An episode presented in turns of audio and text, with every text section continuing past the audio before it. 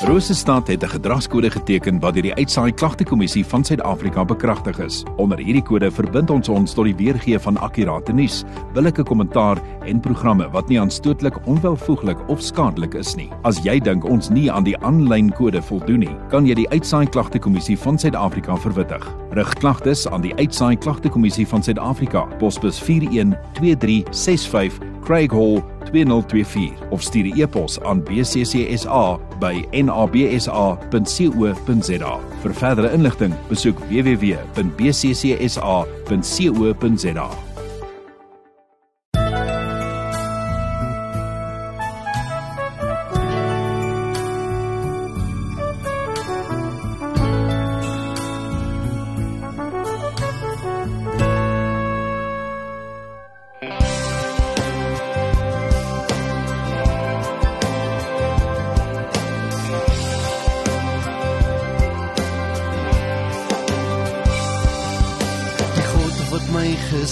geskape het. Die God wat my verander het is heilig tot in ewigheid die God wat my beskerm het wat sy hand om my ontferm het is heilig tot in ewigheid maak oop julle harte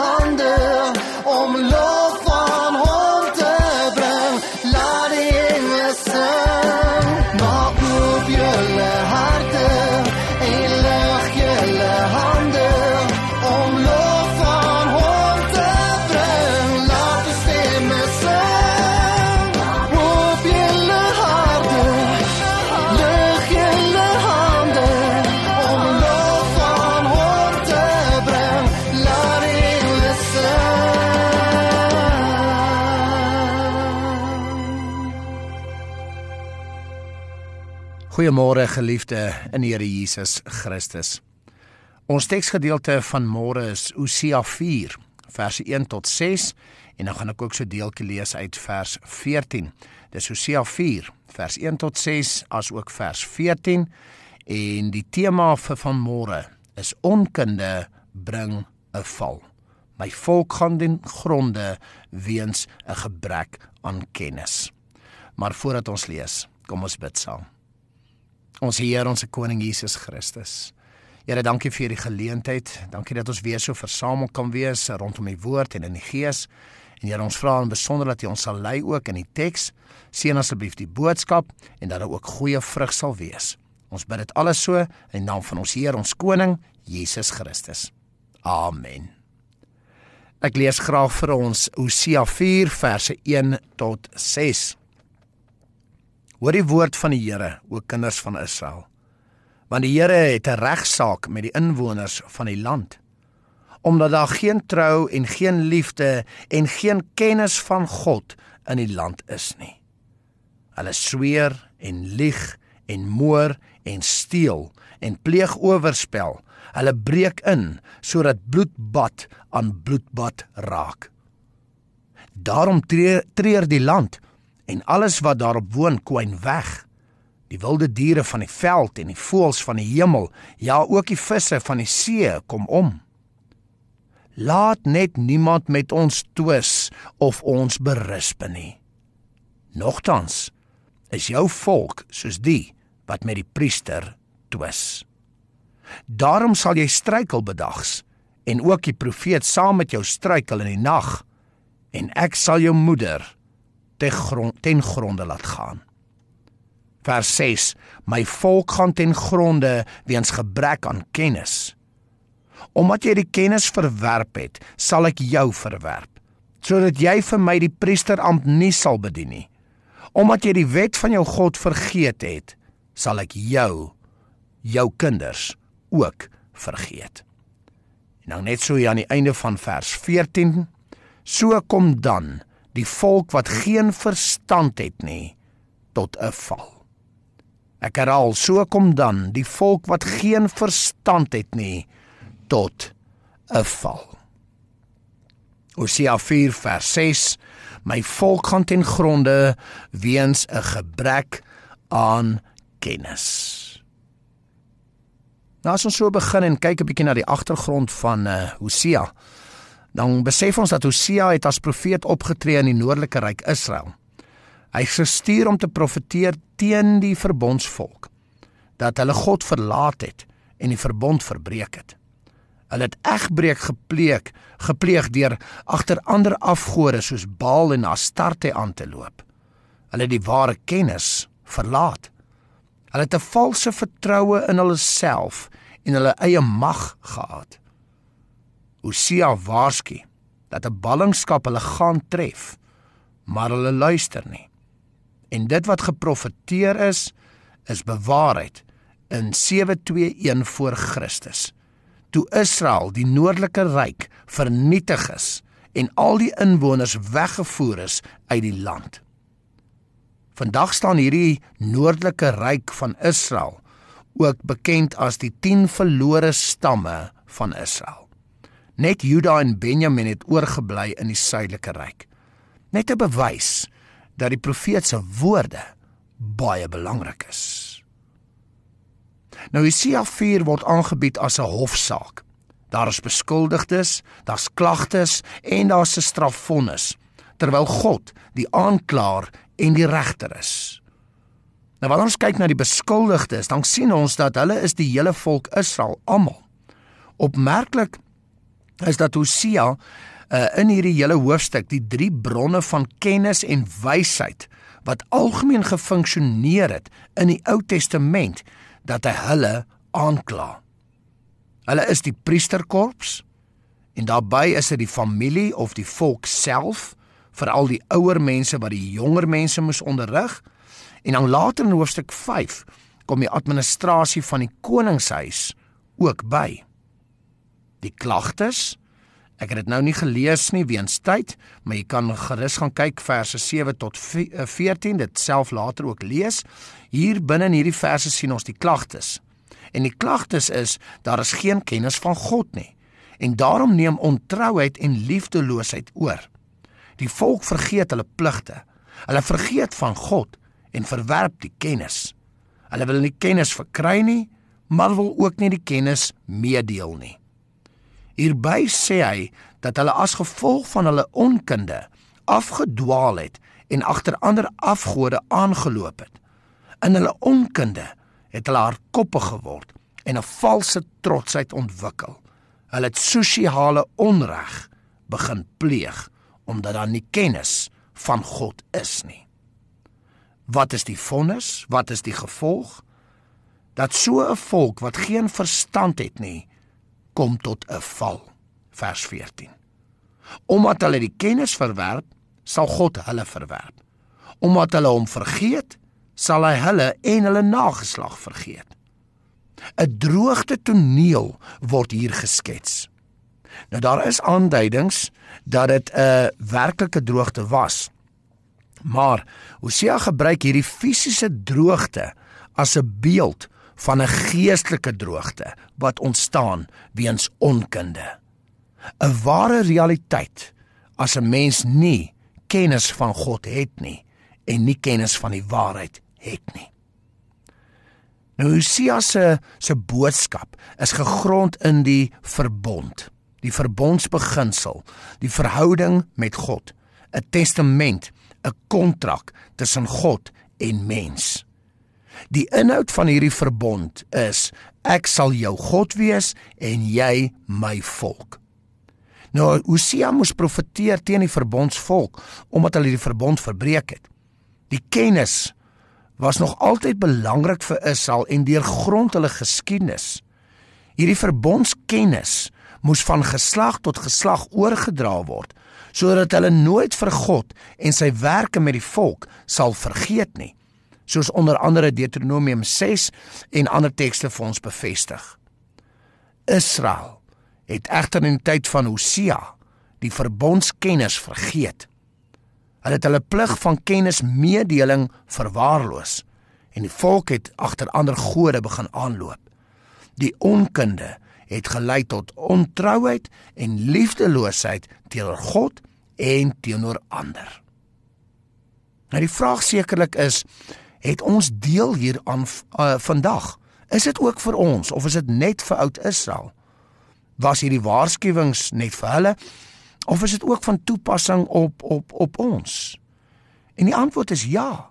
Dit is beslis ook van uh, dit is beslis ook van toepassing op ons. Natuurlik. Hoekom?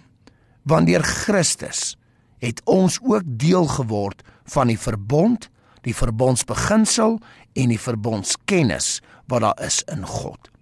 Deur ons geloof in Christus as die seun van God, ons verlosser en middelaar, het ons ook nou vrye toegang tot die verbond met God. 'n Nuwe verbond, 'n nuwe testament het in Christus tot stand gekom. Maar die inhoud is steeds dieselfde. Ek sal jou God wees en jy my volk. Hosea se waarskuwings was spesifiek vir Israel natuurlik. Maar dit is ook algemene tydlose waarskuwings vir alle verbondskinders van alle tye. Dat as onkunde heers, daar 'n algemene geestelike droogte en verval gaan wees. Onkunde bring 'n val. Dit bring ondergang. Weereens vers 6 My volk gaan ten gronde weens 'n gebrek aan kennis. Hosea se waarskuwing is eerder 'n algemene waarheid. Dis feite tot vandag toe. Geliefde in die Here, ek sluit vir ons af. En my vraag is wat gaan aan in ons tyd? Wat gaan aan in ons generasie? Is ons soos oud Israel in Hosea se tyd? Want soos oud Israel is die kennis van God beskikbaar, maar ons stel nie belang nie. Ons stel nie belang om te groei in kennis van God nie. Ons verwaarloos die kennis. Ons lees nie meer die Bybel nie. Uh ons mense kom nie meer na samekomste nie. Ons verwaarloos geleenthede en bronne van kennis oor God. Ons verwaarloos ons verhouding met die Here waaruit die kennis ook groei. Hierby verwaarloos ons die oordrag van kennis. Ons vertel nie meer vir ander nie. Ons leer nie meer ander nie. Veral nie ons kinders nie. Ons leer nie meer die volgende geslag oor die kennis van God nie. Ons skeep die kinders af. Ons stel self nie belang nie en dit veroorsaak 'n kettingreaksie dat die kinders ook nie meer belangstel nie. Ons verwerp die kennis en dit veroorsaak dat die kinders ook die kennis gaan verwerp. Kom ons wees eerlik met mekaar. Leer ons nog ons kinders. Vertel ons nog vir ons kinders van die Here. Maak ons tyd vir die kennis om selfkennis in te win en daarbey hierdie kennis te deel. Doen ons dit werklik nog? Geliefde, as dit so gaan aangaan, as ons gaan aanhou om die kennis te verwerp, gaan die volk kom tot 'n val, 'n geestelike val, 'n morele verval in alle fasette van lewe. Keer terug na 'n lewende verhouding met God. Keer terug na die verbondsbeginsel in Jesus Christus en groei weer in kennis en deel weer die kennis. Kom ons luister na die woord deur die Gees en verkry daai kennis van God. Kom ons doen elk ons deel as verbondskinders in Christus om die onkunde uit te wis deur die ware kennis te versprei soos 'n aangename geur. Ek bevestig dit vir ons ook Nuwe Testamenties deur 2 Korintiërs 2 verse 14 tot 15 en ek lees dit graag vir ons. Maar God se dank wat ons altyd laat triomfeer in Christus en wat die reuk van sy kennis deur ons oral versprei want ons is 'n aangename geur van Christus tot eer van God onder die wat gered word en onder die wat verlore gaan. Amen. Kom ons bid saam. Ons Heer, ons koning Jesus Christus. Here baie dankie vir Hosea. Dankie vir die groot waarskuwing wat hy vir ons bring. Dat die volk gaan ten gronde weens 'n gebrek aan kennis. Dat 'n volk wat nie verstand het nie, gaan ten gronde. Ons sien die waarskuwing, Here. Dankie vir die konteks, die agtergrond en uh, dankie dat ons verstaan dat hierdie beginsel is nie net vir Hosea se tyd nie, dis dis ook vir ons. Want ons is deur U ook in 'n verbondsverhouding met Vader. Here help ons Ons is ook skuldig in ons eie tyd, Here. Ons verwerp die kennis. Ons stel nie belang nie, Here. Ons lees nie meer woord nie. Ons leer nie meer oor U nie. Ons woon nie geleenthede by om te leer van U nie, Here. En daarbey dra ons nie meer hierdie kennis oor aan ander nie. Ons vertel nie meer vir ander nie. Ja, Here, ons is skuldig. Ons vertel nie eens meer ons eie kinders nie.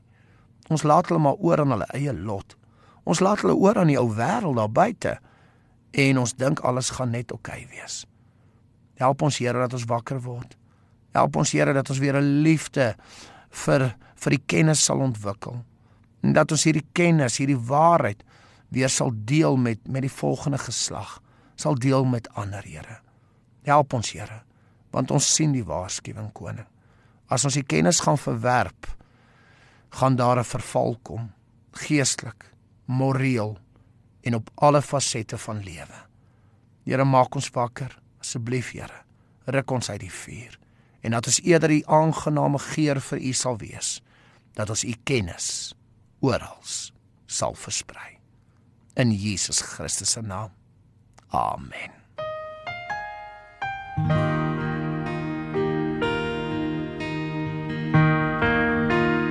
Long before you came